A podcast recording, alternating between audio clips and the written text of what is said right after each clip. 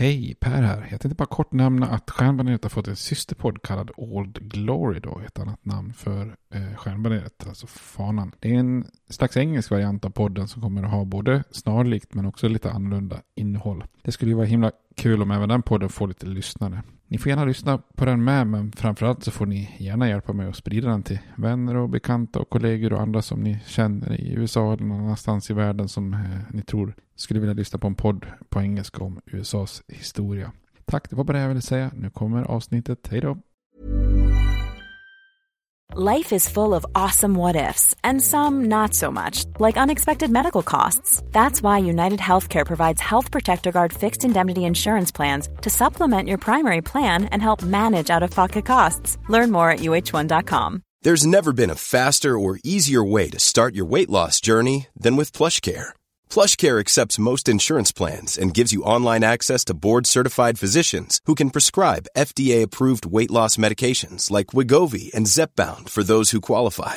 Take charge of your health and speak with a board-certified physician about a weight loss plan that's right for you. Get started today at plushcare.com slash weight loss. That's plushcare.com slash weight loss. plushcare.com slash weight loss. Everyone knows therapy is great for solving problems, but getting therapy has its own problems too, like finding the right therapist, fitting into their schedule, and of course, the cost. Well, BetterHelp can solve those problems. It's totally online and built around your schedule. It's surprisingly affordable too. Connect with a credentialed therapist by phone, video, or online chat, all from the comfort of your home. Visit betterhelp.com to learn more and save 10% on your first month. That's BetterHelp, H E L P.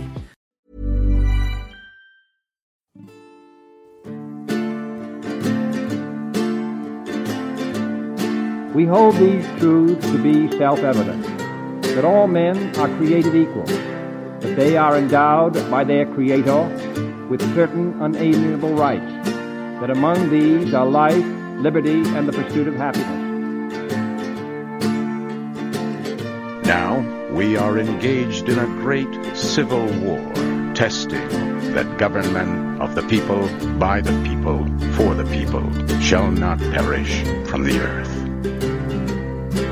And so, my fellow Americans, ask not what your country can do for you, ask what you can do for your country. I have a dream. My four little children will one day live in a nation where they will not be judged by the color of their skin, but by the content of their character. Mr. Gorbachev, tear down this wall. I did not have sexual relations with that woman, Miss Lewinsky. Hej och välkommen till Stjärnbaneret, en podcast om USAs historia med mig Per Fjärdingby. Eh, vi fortsätter den här översiktsserien som vi har eh, spunnit på de senaste gångerna här. Och vi har ju avklarat egentligen 20-talet i tre avsnitt.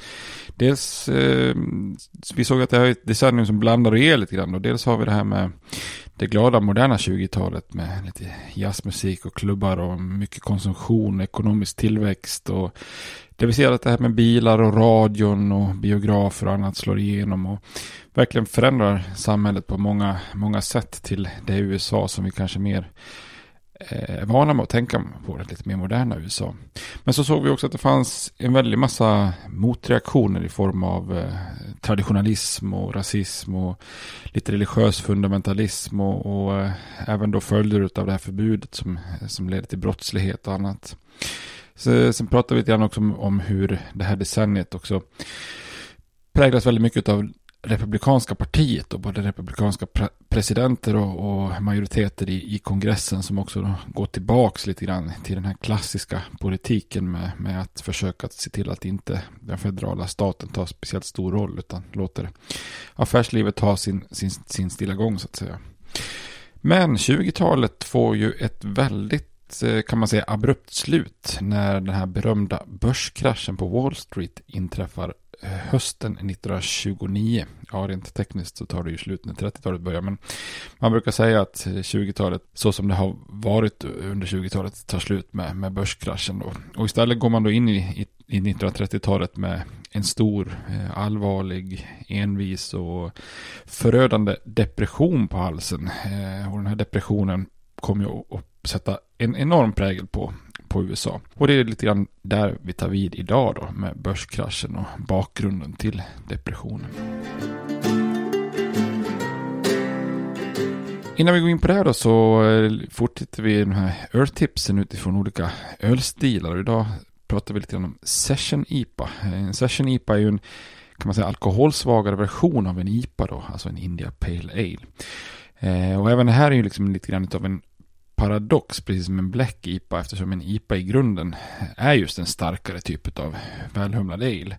Men i den här tappningen, tappningen då, Session IPA, så är den ju då svagare och, och mindre, kanske lite mindre maltdriven än en vanlig Pale Ale, men lika välhumlad som en IPA då, fast just att alkoholhalten är, är lägre då. Och tanken är ju då att det ska vara en väldigt, eh, vad ska man säga, lättdrucken öl då. Eh, och, och det är det som gör det till en sån så kallad session då. Eh, något man kan dricka till vardags så att man ska kunna dricka flera utan att bli för berusad. Det är lite som många klassiska engelska ale egentligen, där man, eh, som var alkoholsvaga, så man skulle kunna ta en pint och ändå, ändå köra då. Men just den här termen session har blivit populärt att använda i USA då. Ska man hårdra det så är det ju egentligen ingen ölstil i sig, även om det brukar dyka upp som en ölstil. Utan alla öl går ju att göra, eh, liksom i någon mån, som en sessionstil. Och det handlar ju helt enkelt om att sänka alkoholhalten samtidigt som man försöker behålla smaken och, och balansen med humle och malt. Då. Och under senare år har det framförallt då varit populärt med, med Session IPA, India Pale Ale. Då, vilket såklart har med att just begreppet IPA säljer och fungerar marknadsföringsmässigt som jag nämnt tidigare. Då. Så nu ser man allt ifrån Session Ale, Session IPA, Session IPA, Session Hazy Ale och så vidare. Så det är egentligen ett lågalkoholkoncept av, av flera stilar snarare än en, en egen stil då, så att säga. Men en Session IPA ligger ju oftast runt kanske Mellaners styrka då. Eh, typ 4,5% i alkohol kanske då. Eh, medan smaken då är precis som lite grann en vanlig normal IPA då. Väldigt humle aromiskt och med tydlig beska då. Själv tycker jag väl att det är lite tramsigt att kalla en sån här öl för just session IPA eftersom ja, en IPA ska ju vara starkare så det blir lite en paradox då. Men Annars får jag säga att jag är positivt inställd till den här mottrenden att allt ska, eh, alltså det finns en trend annars som länge har varit att allt ska vara så jäkla extremt starkt och som Deepor och Imperial Stout och så vidare. Jag tycker det är fint med en, en riktigt välhumlad öl med, med mycket smak utan att man för den delen då blir, blir full om man skulle ta sig några glas då. Eh, vill ni dricka någon sån god sån här då så kan ni försöka få tag på Founders All Day IPA eller Stone som Go To IPA om man vill ha något eh, engelskt och amerikanskt då. Eh, svenska finns ju också, Poppels Session IPA, eh, Oppigårds Everyday IPA då, det här lägger man till Everyday istället för Session då, att det, liksom, ja, att det är mer vardagsstil då. Eh, eller testa Stigbergets eh, Studio Session IPA då. I nästa avsnitt tänkte jag prata lite om, om eh, egentligen lagerns motsvarighet till, till Pale Ale och IPA, modern lager, eller eh, som det ibland kallas för India Pale lager. Och ni kan försöka få tag på kanske Vega modern lager, Stigbergets New Dawn, Poppels modern lager, O&O Pacific Pills eller en klassiker då som danska, från danska Nörrebro brygghus som heter New York Lager.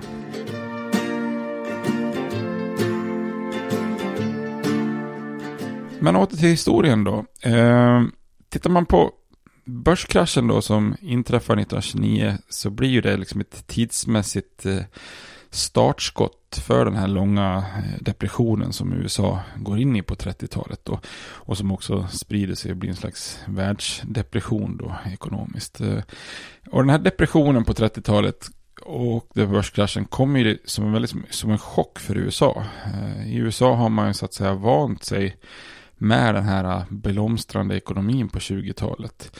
Vi pratar ju om den här konsumtionsrevolutionen som skedde på 20-talet. Äh, och många hade en allmän uppfattning här om att hon övertygades om att ja, men den amerikanska ekonomin och det här levnadssättet där, där många har råd med bil och radio och sånt. Det, det är bara startskottet och, och välfärd, eller välståndet och välfärden kommer bara öka från det här då. Så den här plötsliga finansiella kollapsen som inträffade 1929 då eh, blev ju därför lite extra oväntad och, och liksom extra chockerande eftersom det då inträffade efter en era som, som många såg som ett liksom, ekonomiskt mirakel. Då. Eh, många trodde liksom att landet hade gått in i någon slags ska man säga, hög platå av välstånd. Då. Eh, men den här glansen av, av liksom ekonomiskt mirakel som fanns innan börskraschen skingrades ju direkt efteråt då. Eh, när fabriker började stänga igen och maskiner tystnar och miljoner amerikaner börjar vandra runt hungriga på gatorna i jakt efter, efter jobb som inte existerar. Då. Och oktober 1929 blev ju en slags symbol för hela den här ekonomiska kraschen. Inte bara börsen egentligen då, utan hela, hela samhället. Och det är kanske lätt att tro att det är själva börskraschen i sig som är det som liksom orsakar den här långa depressionen. Då. Förr var det väldigt vanligt att det stod så i historieböckerna. Men själva börskraschen i sig är ju mer som toppen på isberget. Eller, eller liksom som en triggande utlösande händelser snarare än de här bakomliggande långsiktiga orsakerna. Eh, börjar man gräva lite grann i hur den ekonomiska eller amerikanska ekonomin ser ut och fungerar så ser man att det finns liksom brister då. Kikar man då istället på de här lite bakomliggande orsakerna till depressionen eller liksom faktorerna som har gjort den här amerikanska ekonomin bräcklig så finns det ganska mycket att ta av. Eh, det som förefaller eh, så himla fantastiskt på 20-talet har ju, är ju en fasad som har väldigt många sprickor då. Eh, en orsak är ju att den amerikanska industrin inte var speciellt diversifierad som det heter, eller kanske annorlunda uttryckt så är det alltså få branscher som har varit själva motorn för hela den här industriella tillväxten och den ekonomiska tillväxten då. Och framförallt är det ju två branscher som har varit gått på högtryck under 20-talet och det är ju bilbranschen och eh, byggsektorn. Vi har ju pratat om det här eh, i tidigare avsnitt och hur bilen slog igenom enormt på 20-talet och liksom förändrar hela samhället med, med helt nya företeelser. Samtidigt har, har, vi också pratat om att städerna växer så det knakar och att man börjar bygga allt från egentligen då skyskrapor, man bygger på höjden till, till förorternas villakvarter där man bygger på, på, på den andra ledden och ökar städerna. Eh, många av de övriga klassiska branscherna, alltså som stålindustrin med flera, de var ju väldigt beroende av att det just byggdes bilar och hus. Eh, och andra industrier som olja, kemikalier, elektronik och plast och sånt där, de var så nya så de kunde liksom inte kompensera om inte bilbranschen och byggbranschen liksom efterfrågade deras varor. Så började den branschen dippa då, då kan inte de kompensera med att sälja till andra branscher. Och det är just det som händer under 20-talet då. Byggbranschen börjar sakta gå ner då. Från 11 miljarder dollar eh, 1926 så, så sjunker det till 9 miljarder 1929 då. Bilindustrin minskar sin försäljning med en tredjedel under de första tre kvartalen 1929. Så att eh, här, här, här kommer en rejäl dipp då och det här får ju liksom då följer, följder. Eh, andra närliggande problem som finns i den amerikanska ekonomin eh, och ett som brukar lyftas fram är det här med mättade konsumtionsmarknader. Alltså vi pratade ju om 20-talet som den här tiden då en stor nationell konsumtionsmarknad uppstår med mängder av nya produkter som trycks ut till amerikanska hem via massmarknadsföring och postorder och sådana principer. Då. Och konsumtionsrevolutionen och den här storskaliga industrin blev i princip nästan offer för sin egen förträfflighet när det gäller utbud. Då. Ehm, eh, industrikapaciteten ökar så, så enormt att man till slut under 20-talet producerar långt snabbare än det liksom finns efterfrågan. Så för varje år efter 1924 så minskar takten i försäljningen av bilar och kylskåp och andra konsumtionsvaror. Eh, och det var ju en naturlig följd. Eh, allt fler amerikaner ägde ju redan de här varorna. Och idag vet vi ju alla att det kan vara bra att ha både två och tre kylskåp om man till exempel är hembryggare utav öl så man har någonting att jäsa och lagra öl i och så vidare. Men i USA på 20-talet så var det inte så, så troligt att en familj som redan hade en bil och en radio och ett kylskåp kanske skulle köpa ytterligare en produkt av samma slag. Då. En tredje bakomliggande faktor var ju också klassamhället, alltså där köpkraften var oerhört skevt fördelat. Eh, I takt med att Eh, tillväxten skapades på 20-talet så de vinsterna som, som blev koncentrerades i stora drag till en ekonomisk elit i USA. Eh, 1929, trots ett helt decennium av tillväxt så levde mer än hälften av alla amerikanska familjer nära eller under miniminivåerna för fattigdom då. Och 1929 så gick en tredjedel av all intjänad inkomst i USA till, till 5% av befolkningen då. Eh, hade den här ekonomiska tillväxten kommit fler amerikaner till godo så att säga hade ju konsumtionsmarknaden blivit större och efterfrågan på produkter högre. Eh, och att försöka stimulera köpkraft på det sättet var ju dessvärre inte något som någon tänkte på då. Så problemet med mättade, mättade marknader handlar egentligen inte om att marknaderna bokstavligt talat är mättade egentligen sett till potentialen. Alltså många, många miljoner amerikaner ägde ju ingen bil eller radio eller kylskåp men de är helt enkelt alldeles för fattiga för att någonsin kunna köpa det. Då. Och den delen av befolkningen som, som hade resurserna, de är inte intresserade av att köpa ett andra kylskåp eller en extra bil eller någonting sådär. Eh, en fjärde bakomliggande faktor är ju strukturen för, för krediter och bankväsende. Eh, tittar man på många jordbrukare i, USA till exempel så hade de ju skulder upp över öronen då. Eh, med låga priser på spannmål eh, gör ju då att de inte kan betala av skulderna. Ja, och det i sin tur skapar problem för många mindre banker på landsbygden eh, som hade problem när de inte fick tillbaka pengar de lånat ut. Men även stora banker i städerna hade problem eftersom de investerade stora summor på ett helt oansvarigt sätt på, på, på börsen då. Eller lånade ut stora summor eh, för andra då att investera på börsen. Så när börskraschen väl kommer så havererar liksom hela banksektorn som, kommer, som vi kommer att se då. Eh, många banker inser alldeles för sent att de lånat ut alldeles för mycket alldeles för osäkert och, och går under då. Eh, och andra konservativa banker som kanske inte hade gjort det, de gör krisen snarare värre genom att i panik kräva in amorteringar och krediter och göra liksom en situation där det redan finns alldeles för lite pengar i omlopp eh, blir, blir det en ännu större brist. Då. En femte faktor är, bakomliggande faktor är ju, är ju USAs internationella handel och i slutet av 20-talet så minskar den europeiska efterfrågan på amerikanska industrivaror och, och, jordbruksvaror. Dels för att jordbruk och industri sakta började återhämta sig i första världskriget, men också för att många europeiska länder hade egna finansiella problem. Då. Eh, en orsak var ju skuldsituationen efter just första världskriget, där de allierade nationerna eh, från kriget hade stora skulder till USA eh, och de hade svårt att betala tillbaka om inte Tyskland och Österrike betalade av sin krigsskuld som de hade då till, till de här europeiska länderna. Eh, men, de, men Österrike och Tyskland har ju också en svår situation. De, de, de klarar liksom inte av att betala tillbaka till de andra allierade. Så för att lösa det här eh, så skrev tyvärr inte då USA av sina skulder utan amerikanska banker gav snarare nya lån för att betala av gamla. Så det blir ju liksom lite av en karusell då. Samtidigt innebär också när man inför nya höga amerikanska tullar att det i Europa då är svårt att kunna exportera till USA och därmed så får man ju svårt att skaffa dollar som valuta. Vilket gjorde att det är svårt att återigen betala tillbaka sina skulder. Så det här är lite av en ond cirkel verkligen. Och just den här skuld och kreditsituationen gjorde ju sen då att depressionen i USA också ganska snabbt sprider sig över Atlanten till Europa 1931. Då.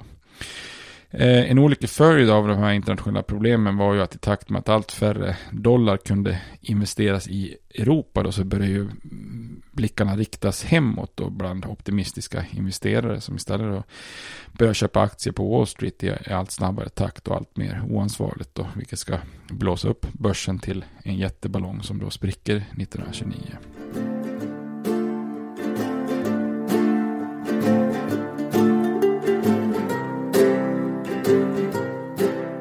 Så ska man summera det här lite grann så grunden bakom depressionen på 30-talet så var ju att den amerikanska industrin tillverkar mer varor än vad som kunde konsumeras. Och problemet var egentligen inte de här mättade marknaderna i sig utan att miljoner amerikaner i grund och botten inte hade råd med nya masskonsumtionsprodukter. Och, eh, internationell handel och banker och skulder och spekulation spände ju på det hela. Så industrins löpande band står och spottar ut en massa produkter och, och som inte då blir sålda när amerikanska folket inte hade pengar att köpa dem för. Då. Eh, och under vissa år så kunde det här lösas då med, med lån och krediter och köpa avbetalning. Men till slut så är då skuldberget så, så stort att situationen inte håller. Vi pratade om det här med hur det uppstår att man kan köpa, av, köpa saker på avbetalning till exempel. Då. Men det spär ju bara på skuldberget. Så när marknaden som bil, bilindustrin och byggbranschen börjar dala eh, så är det ju få företagsledare och politiker som vidtar några direkta motåtgärder som man kanske hade gjort mer i moderna dagar. Eh, hade arbetarnas löner fått öka eller priserna sänkts hade det kanske kunnat stimulera ytterligare köpkraft eh, för att hindra industrins fall och hade staten försökt att bromsa utlåning och skulder hade kanske depressionen blivit mindre och kortare men Varken näringslivsledare eller politiker hade ju den här insikten och förmågan att förstå nationalekonomi på längre sikt. Då. Så eh, om man tar den här Federal Reserve då, alltså typ Riksbanken som, som Woodrow Wilson hade infört så de i det här läget sänker sina styrräntor för att kunna låna ut ännu mer pengar till bankerna. Och de här pengarna, pengarna används inte för liksom sunda investeringar i slutet på 20-talet utan gick ju till stor del rätt in i den här spekulationen på, på börsen. Så att eh, Federal Reserves agerande förvärrade situationen ännu mer då. Så det nya ekonomiska systemet i USA som många varit så stolta över under 20-talet och som president Herbert Hoover eh, menar på är på väg att förinta fattigdomen för alltid. Eh, det misslyckas ju ganska kapitalt. Eh, och den största bristen är ju att man inte lyckas fördela välfärd på ett bredare och mer rättvist plan. Då. Eh, för mycket pengar hamnar i fickorna på en liten elit som, som spekulerar bort stora summor på börsen eller använder för att bara expandera en industri eh, som, som inte får sålt sina varor då, när de kanske borde ha hamnat mer i händerna på, på arbetarna som utgjorde själva köpkraften i den här konsumtionsmarknaden. Eh, så tittar man där medan industrins produktivitet ökar med 43 procent under 20-talet så steg bara industriarbetarnas löner med 11 procent. Eh, och medan inkomsterna för den rikaste en procenten av, av landets befolkning dubbleras så ökas inkomsterna för den fattigaste tredjedelen i befolkningen bara med 6 procent trots den här tiden av, av hög ekonomisk tillväxt. Då.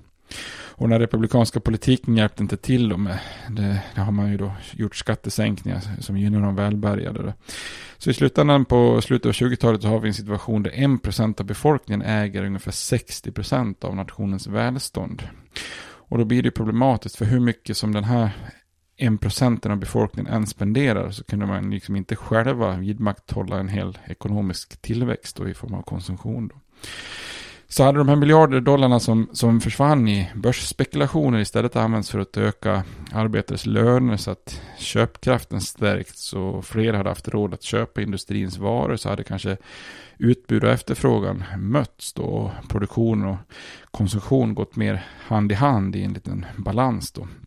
Men de här pionjärerna eh, i den här masskonsumtionseran hade inte några liksom verktyg för att förutse vad som skulle komma och heller inga verktyg för att rätta till det här. Och de höjda tullarna och skuldsituationen i Europa skapar ju också en internationell sårbarhet. Då. Eh, världsekonomin hade ju efter första världskriget eh, levt väldigt mycket på den amerikanska marknaden och, och den hjälp man hade fått i form av, av dollar då från USA. När, allt, eh, när, eller när alla länder i Europa liksom börjar få eh, problem i slutet av 20-talet och USA då samtidigt höjer tullarna Eh, så minskar ju då världshandeln mellan, om man tittar på det 1929 till 33 så minskar världshandeln med 40 procent, det är ju inte lite då. Och det här skapar ju en dominoeffekt, så när USA går in i depressionen så föll, föll, faller andra länder också då lite grann som eh, sådana här, vad heter det, eh, brickor, dominobrickor heter det. Så då faller liksom den ena ekonomin efter den andra som en dominobricka. Och problemet var ju inte Eh, att USA gick egentligen ifrån sin den här lite nya aktiva internationella rollen som man hade tagit tidigare då. Eh, och liksom direkt blev isolationistiskt på, på 20-talet som, som vissa beskriver. Det var snarare så att USA efter den här progressiva eran eh, var den internationella ekonomiska motorn. Eh, särskilt efter första världskriget då.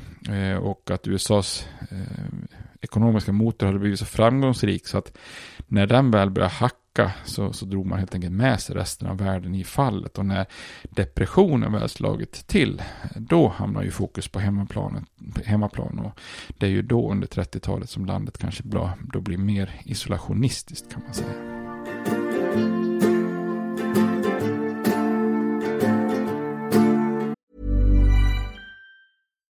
One size fits all seems like a good idea for clothes until you try them on. Same goes for healthcare. That's why United Healthcare offers flexible, budget friendly coverage for medical, vision, dental, and more. Learn more at uh1.com. I'm Sandra, and I'm just the professional your small business was looking for. But you didn't hire me because you didn't use LinkedIn jobs. LinkedIn has professionals you can't find anywhere else, including those who aren't actively looking for a new job but might be open to the perfect role, like me. In a given month, over 70% of LinkedIn users don't visit other leading job sites. So if you're not looking on LinkedIn, you'll miss out on great candidates like Sandra. Start hiring professionals like a professional. Post your free job on linkedin.com/people today.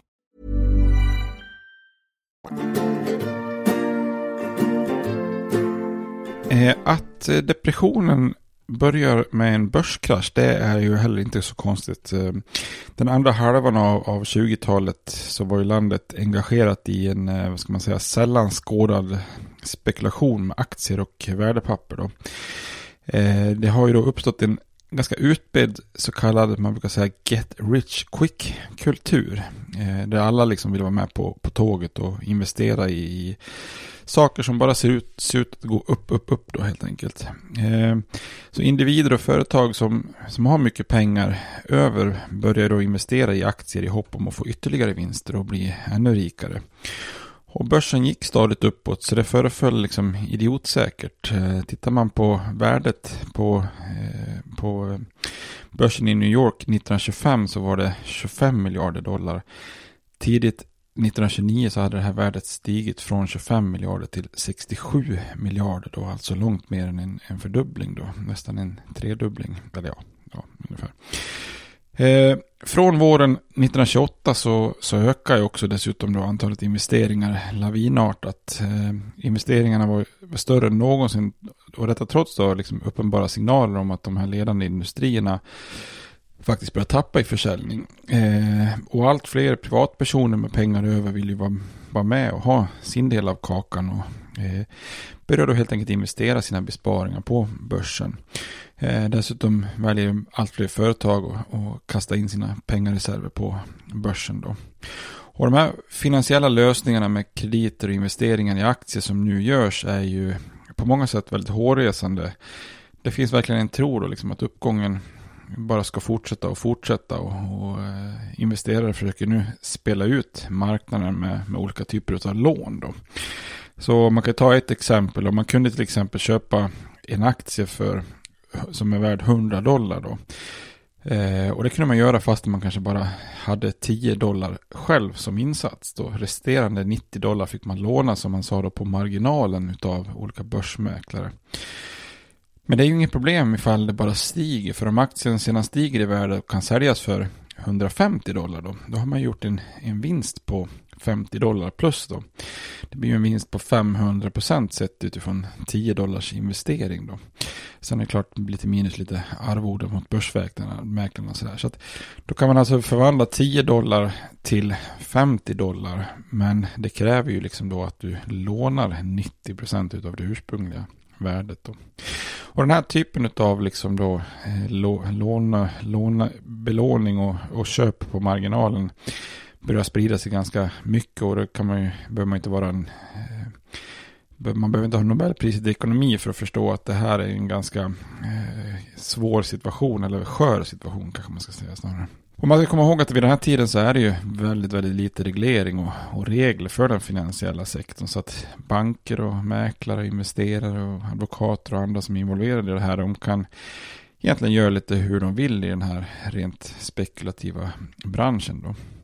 Så på slutet här av 20-talet så sveper det då under åren 1928 och 29 en riktig liksom feber över, över landet. Och börsmäklare börjar öppna filialer över hela landet med, med så tavlor i skyltfönstren som följer siffrorna på, på Wall Street i, i New York. Då. Eh, företag lånar ut pengar till, eh, till banker som i sin tur lånar ut till investerare som i sin tur anlitar mäklare som köper då för fulla, fulla muggar. Då. Så att det är ren, ren hysteri på, på Wall Street.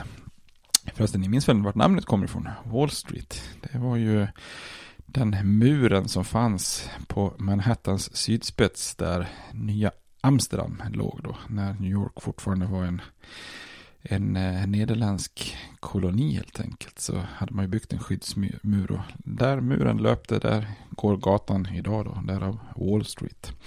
Så det kan ni, har ni glömt det får ni gå tillbaka och börja lyssna på de första avsnitten igen här. Förresten, det är väldigt roligt när man hör att någon har lyssnat igenom avsnitten två gånger, så det blir det är det är kul.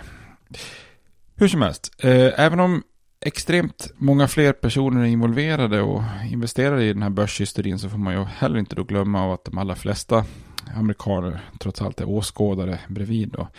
Mindre än tre miljoner amerikaner äger aktier 1929 så det är ju liksom inte så att varje amerikan direkt är involverad i det här. Då. Eh, och det är egentligen bara en halv miljon av amerikanerna som är, som är väldigt aktiva då med aktier och köper och säljer om vartannat. Då. Och den här febern på börsen den varar eh, och är hög in i det sista. I februari 1928 eh, så började det, alltså typ drygt en halvår innan så börjar en stadig uppgång då som med få dippar fortsätter hela vägen fram till kraschen i oktober 1929 då. Det genomsnittliga priset på aktier ökar under den här perioden med 40% och handeln med aktier ökar från att ha legat på kanske 2-3 miljoner affärer om dagen till över 5 miljoner eh, i snitt och enskilda dagar så kan det ligga så högt som 12 miljoner aktier om dagen som handlas med då. Och när värdet på börsen slår nya rekord och, och spränger 80 miljarders gränsen sommaren 1929 så skriver tidningen Wall Street Journal då i, i förnekelse av de tecken som ändå finns att the outlook for the fall month seems brighter than at, that at any time. Så att de är fruktansvärt optimistiska fortfarande då. Sen finns det ju några få då som försöker höja ett varningens finger och säger att det här kan vara en spekulativ bubbla som är på väg att spricka. Eh, vi, det här verkar vara ett spekulationens dårhus. Men deras profetier liksom drunknar i, i det här galna smattret från de här ticker tape-maskinerna som spottar ut långa remsor med siffror där börsen bara slår rekord på, på rekord. Då. Hade man varit lite insiktsfull så, eh, så fanns det ju en försmak av vad som skulle komma då om man hade eh, vänt sina blickar från Eh, Wall Street eh, söderut till Florida och det som brukar kallas för Florida Land Boom. Eh, Florida hade ju alltid varit en, en, alltså det är ju inte som idag då. Florida var ju under stor del av sin tidiga historia Eh, en oerhört isolerad delstat med, med väldigt, väldigt gles befolkning som, som verkligen bara levde på, på jordbruk då. Eh, inte alls som dagens Florida utan verkligen en, en, liksom en, en eh, en delstat i södern som bara levt lite för sig själv längst ner i södern. Och, eh, bidrog inte speciellt mycket till exempel till konfederationen under, under inbördeskriget och så vidare. Det är en av de minst befolkade delstaterna under lång, lång tid. Eh, och även om järnväg hade kommit dit till Florida redan på 1800-talet så var det först eh, när Henry Flagler från eh, en av Rockefellers närmsta kollegor på Standard Oil eh, som ser till att det byggs en järnväg på 1910-talet och längs Floridas Atlantkust ända ner till, till Key West. Och det är först då som liksom någon rejäl utveckling kan börja ske då. Eh, och efter det då på, på 20-talet så börjar Florida då säljas in som en varm delstat där rika kan åka ner med järnvägen och sen bo och vila upp sig där. Eh, och det finns ju också då, det är också lätt att få tag på, på billig mark och, och bygga hotell och bostäder på. dem. Och på 1920-talet så börjar ju då allt fler att investera stora pengar i markområden då. Eh, och då börjar Florida även säljas in lite mer till, till, till medelklassen då. Och även om liksom orter som Fort Lauderdale och Miami Beach och sådär kommer att ta tid att utvecklas så, så resonerade man så att det var lika bra att köpa eh, mark tidigt eftersom den skulle stiga i värde och kunna säljas dyrt. Då. Så det här blir också en sån här riktig så kallad get rich quick historia. Då. Eh, allt fler börjar investera stora summor för vad man kallar för 50 feet in paradise. Eh, priset på, på mark i Florida börjar då stiga ganska snabbt. Eh, men det gör det ju inte på grund av att det händer någonting, liksom, höll på sig i verkligheten. Det, det, stiger liksom inte för att folk flyttar dit eller att det byggs särskilt många turisthotell då. Utan det är för, helt enkelt att priserna stiger för att spekulant, spekulanter säljer vidare till andra spekulanter med vinst. Och därmed triggas hela tiden priserna upp då. Eh, vissa landområden i Florida byter hand ungefär 10-12 gånger innan ens någon har satt en spade i backen. Så då förstår ni ungefär liksom hur prisstegringen sker då. Men eftersom priserna stiger så snabbt och investeringarna verkar så idiotsäkra då, ja, på samma sätt som eh, börsen kan man säga då.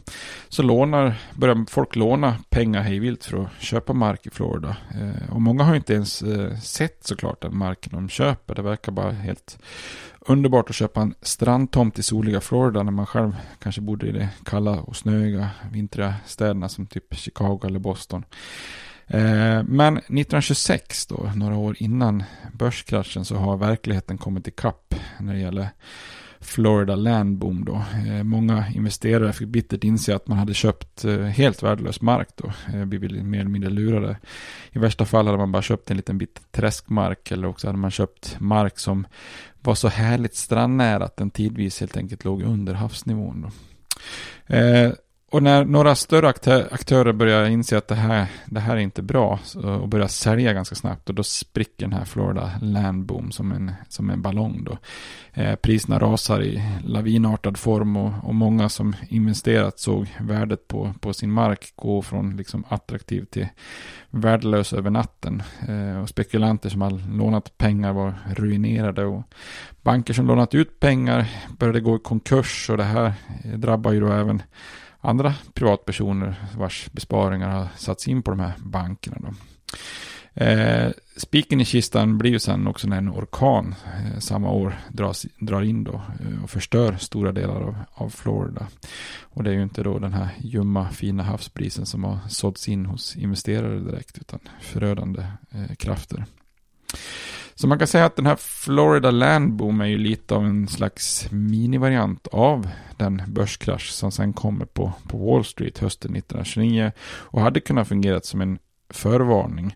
Men det var få som tog det här som en varning och den här hysteriska börsinvesteringarna och lånebonansen bara fortsätter. Då.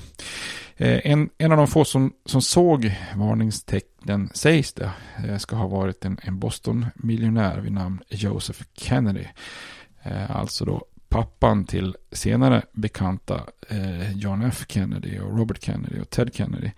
Eh, det sägs att Joseph Kennedy stannade till hos en skoputsare sommaren 1929 och, och, när den mannen som putsar skorna börjar prata om att han har gjort smarta investeringar på börsen då börjar pappa Kennedy tänka att om den här mannen har köpt aktier då kan det ju snart inte finnas fler personer kvar som kan som kan liksom investera i, i, i börsen eller i aktier. Eh, och, och därmed driva upp priserna. Det måste ju betyda att det snart har nått liksom sin höjdpunkt och, och bara egentligen kan falla. Då.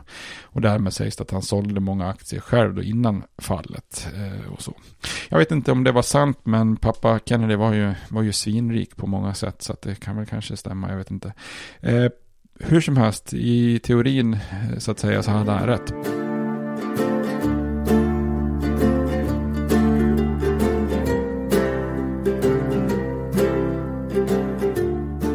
Hösten 1929 så börjar börsen eh, mycket riktigt falla samman som ett eh, korthus. Då. Eh, börjar egentligen eh, onsdagen den 23 oktober så inleds en, en, eh, en skakig vecka helt enkelt. Eh, det är några aktörer som drabbas av panik och, och börjar dumpa aktier i pris motsvarande 4 miljarder dollar då. Och priset på många aktier fortsätter att falla. Morgonen därefter då, torsdagen den 24 oktober, som eh, har gått till historien som Black Thursday. Eh, och mitt på dagen då, runt lunchtid, så, så är ju krisen där och då sammanträder ett antal representanter för bankbranschen hos JP Morgan Juniors kontor. Eh, och då bestämmer de här bankpamparna att man ska kliva in och köpa aktier för att, alltså, ja, stödköpa då för att försöka hindra raset. Eh, chefen för den största banken meddelar att han ska köpa aktier motsvarande 20 miljoner kronor och eh, gör då ett uttalande att it's going to be alright säger han. Eh, och börsen stabiliseras en aningen dagen efter då på, på fredagen. Men sen efter helgen när börsen öppnar igen på, på måndagen då börjar aktierna falla igen. Och eh, det här ökar under tisdagen den 29 oktober. Eh, och den, den dagen har ju också fått namnet Black Tuesday. Eh, den dagen uppstår fullständig kaos och många säljer i panik för att kunna rädda sig själv och betala av skulder. Och det här startar en, en, en ond spiral. Då. Eh, den här tisdagen, den 29 oktober, handlas det med över 16 miljoner aktier, alltså tre gånger det normala. Och det här är ett rekord som faktiskt står sig ända fram till 1968. När, när den här torsdagen är slut så har börsen sjunkit med 32 miljarder dollar och industriindex har tappat 43 punkter. Eh, det betyder att hela uppgången från året innan hade ätits upp då under en enda dag och, och många företags aktier hade ju över dagen i praktiken blivit ganska värdelösa. Då. Under veckorna som kommer så fortsätter också bara raset och en månad senare så har aktierna tappat hälften mot det värdet de hade i september Eh, 29 under kommande år sjunker värdet ytterligare. Och helt plötsligt så har den här bubblan spruckit då. Så att boom har ersatts av doom som man brukar säga på Wall Street. Eh, förlusterna blir ju fruktansvärda för många och, och vissa ser ju ingen annan, annan väg ut än att eh, helt enkelt ta sitt liv då. Ett känt exempel av det är ju högsta chefen för tobaksbolaget The Union Cigar Company. Eh, priset på, på företagets aktie sjönk från 113 dollar till 4 dollar bara på en enda dag.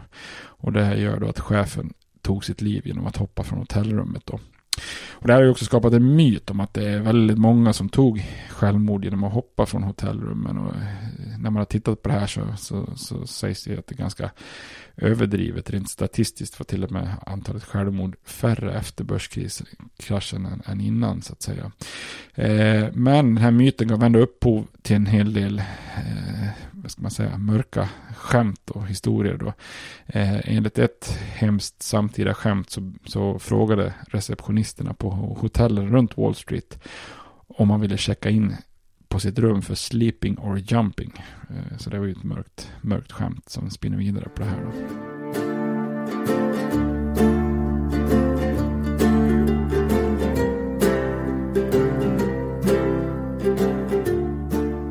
Eh, börskraschen då brukar ju ses som startskottet på, på då den här depressionen, även om den inte i sig skapar den då. Eh, och direkt där och då, när börsraset sker, så är det ju vissa som tycker att det här är sunt då. Eh, få företag gick ju omedelbart i konkurs bara på grund av börskraschen då. man ansåg då att orsakerna hade ju varit oaktsam spekulation och nu skedde helt enkelt en, en sund korrigering som landet snart skulle återhämta sig ifrån. Då. Eh, våghalsiga spekulanter och, och, och, eh, och eh, oansvariga lånegivare behövde helt enkelt lära sig en läxa. Då. Trots allt så är det ju bara den rikare delen av befolkningen som, som drabbas initialt eftersom bara 2,5 procent av befolkningen äger aktier. Då. Eh, så det gäller ju helt enkelt, tyckte många då, att det är bara att återskapa förtroendet för finanssektorn då, baserat på den goda industrin och eh, den goda handeln. Men det var ju just det som var problemet som vi såg då. Hade den amerikanska ekonomin varit sund och hälsosam i, i grunden då med ett stort förtroende för banksystem och liknande så hade ju krisen kunnat bli ganska kort då efter börsfallet. Eller börsraset. Men så är ju inte, dessvärre inte fallet då. Eh, utan istället är ju landet på väg in i den här kända depressionseran. Och det här fallet blir ju ganska långt, segt, djupt och utdraget och inte förrän tre, hela tre år efter oktober 1929 då, när börsen kraschar så slår ekonomin ner i botten då. Så det, är, det är ju liksom som ett sakta sjunkande skepp det här. Och man kan säga att börskraschen är liksom starten på ett antal händelser i en lång kedja som, som till slut kör ekonomin eh, i botten 1933. Då. Eh, och vi pratar om industriproduktion, anställningar, investeringar, priset på gårdar med mer. Allt det här sjunker gradvis under de kommande tre åren. Då. Eh, och ett av de allvarligaste problem, problemen inledningsvis är att banksystemet kollapsade. Banksystemet var ekonomins svagaste länk och, och det, det, går sönder ganska snabbt. Då. 1913 hade ju Woodrow Wilson infört ett nytt banksystem då med den här riksbanken Federal Reserve i, i toppen då. Tanken var ju att skapa stabilitet men banksystemet fortsatte att vara lite grann som ett håligt lapptäcke. Eh, 1929 så är det bara en tredjedel av alla banker som är anslutna till det här systemet med Federal Reserve. Då. Eh, de flesta banker i USA är dessutom väldigt små, självständiga och stundtals kraftigt underfinansierade. Eh, så oron för ekonomin efter kraschen på årsskiftet 1929 gör att många amerikanska och internationella utlånare börjar kräva tillbaka pengar från bankerna man, man lånat ut till då, eller satt in pengarna på. Då. Och det här resulterar ju ganska snabbt i att många banker får ont om pengar då och börjar i sin tur kräva amorteringar och återbetalning av lån från sina kunder. Och när många kunder saknade cash eller inte kunde betala av sina lån så började man då pantsätta hem och gårdar och ägodelar och sådär. Och för många banker var det omöjligt att lösa då. Eh, de, de, de, de löser inte den situationen. Så mellan åren 30, 1930 till 1933 så, så drabbas till slut över 9000 banker. Eh, ändå att man går i konkurs eller att man tvingas stänga dörrarna för att undvika en konkurs. Då. Och följden blev då att nation, nationens utbud av pengar sjönk till runt en tredjedel av det normala. Vilket i sin tur innebär då att köpkraften minskar rejält och det blir liksom deflation då. Eh, och Riksbanken, Federal Reserve, liksom i ett desperat försök att bygga internationellt förtroende för dollarn som valuta. Eh, man anser helt enkelt att det är den viktigaste i den här situationen. Väljer då att höja sina styrräntor. Eh, vilket då minskar utlåningen av pengar och utbudet av pengar i, i cirkulation ytterligare då. Eh, man hade liksom inte de här nationalekonomiska kunskaperna på den här tiden för att fatta ett bra beslut. Då. Eh, I kris så tror man att det absolut viktigaste är att försvara den här guldstandarden, den här guldmyntfoten som dollarn är kopplad till. Då. Och det är många länder i Europa som, som gör detsamma. Då. Så i efterhand har ju många pekat på att depressionen kanske hade kunnat bli mindre och kortare om man agerat tvärtom. Eh, man kanske skulle ha höjt räntorna innan börskraschen för att stoppa och minska den här vilda spekulationen. Eh, för att sen efter depression, när depressionen var ett faktum sänkt räntan för att stimulera ekonomin genom utlåning. Men som vi såg i det här avsnittet så gör man ju tvärtom. Man eh, man, man sänker ju räntan innan så att ännu fler ägnar sig åt spekulationer. Eh, så man stramar ju inte åt innan. Och sen när väl depressionen kommer så, så stimulerar man inte utan då stramar man åt så att säga. Eh, och efter börskraschen då och bankernas, bankernas kollaps så börjar ju också då industrier och handelshus och sådana eh, få det lite svettigt och börja göra prissänkningar. Och när inte prissänkningar funkar så börjar man minska produktionen. Eh, och då börjar man också avskeda överskott av arbetare så arbetslösheten stiger och när många, för många företag hjälper inte ens sänkta priser, minskad produktion och färre arbetare utan till slut så, så är situationen ohållbar och så går man i konkurs och så blir samtliga medarbetare arbetslösa. Så tittar man på den amerikanska BNP så sjunker den från 104 miljarder 1929 till 76 miljarder 1932. Alltså det är en minskning på 25 procent på tre år. Så det här är liksom ingen liten ekonomisk eh, depression man går in på. Då. Och arbetslösheten är just det som blir väldigt beklämmande.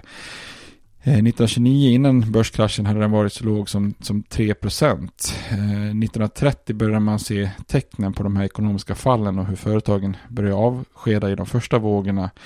Och då ligger arbetslösheten på, på ungefär 9 procent och sen går det brant ut för. 1932 når man, når man liksom botten så, eh, på, på arbetslösheten och då är det 25 procent av arbetskraften som är arbetslösa. Eh, men samtidigt också det är officiella siffror och många menar ju att det finns mycket mörkertal och att den stundtals kanske var ännu högre än så. Då. Det finns vissa som har spekulerat i det, men det kanske var 40 procent av amerikanerna som var arbetslösa. Eh, och eh, arbetslösheten sjönk då under 30-talet eh, i vissa perioder men aldrig under 15 procent och den snittade ungefär runt 20 procent. Så att mängder av amerikaner saknade försörjning då. I runda slängar en av, en av fem amerikaner har ingen som helst eh, försörjning. Eh, och medan ekonomin sjönk under de här tre åren så trodde de flesta politiker och finansmän och ekonomer och affärsledare att ekonomin skulle återhämta sig själv efter bara ett par tuffa år eller någonting sånt där. Ekonomiska nedgångar och lågkonjunkturer var ju, ansåg, man många, ansåg många då bara en slags normal cykel i, i systemet. Och man accepterar att då och då kom det perioder av ekonomisk panik som drev bort de värsta spekulanterna och sänkte löner och priser så att ekonomin liksom renades och, och kunde skjuta fart på nytt. Då. Eh, finansministern vid den här tiden, Andrew Mellon, menar att ekonomin skulle korrigera sig själv helt enkelt och eh, som han uttryckte då, purge the rottenness out of the system. Eh, men börskraschen och de här tre efterföljande åren kastar landet in i sin värsta ekonomiska depression eh, någonsin då. Eh, och det gör ju att hela det här 30-talet kommer ju att gå under namnet depressionseran. Så att eh, eh, här, här kommer ju inte den här naturliga återhämtningen som vi, som vi kommer att se och det drabbar landet väldigt hårt. Eh, tittade man tillbaka på då den republikanska slogan som partiet och Herbert Hoover hade kört i presidentvalet 1928 då innan, innan kraschen kom eh, hade ju varit a chicken in every pot and two cars in every garage. Eh, 1932 var ju den reklammannen som kommit på den här slogan själv arbetslös. En populär liten jingle sammanfattade USAs väg in i depressionen med hänvisning till finansministern Mellon och presidenten Hoover då. Den gick så här. Mellon pulled the whistle. Hoover rang the bell. Wall Street gave the signal and the country went to hell. Och det här helvetet då, depressionen, ska vi naturligtvis kika mer på i, i nästa avsnitt. Men tills dess så får ni ha det bra. Hej hej! States like these and their terrorist allies constitute an axis of evil. And if the hippies and the yippies and the disruptors of the systems that Washington and Lincoln as presidents brought forth in this country will shut up and work within our free system of government, I will lower my voice. If the impeachment provision in the Constitution of the United States will not reach the offenses charged here, then perhaps that 18th century Constitution should be abandoned to a 20th century paper shredder. Therefore, I shall resign the presidency effective at noon tomorrow.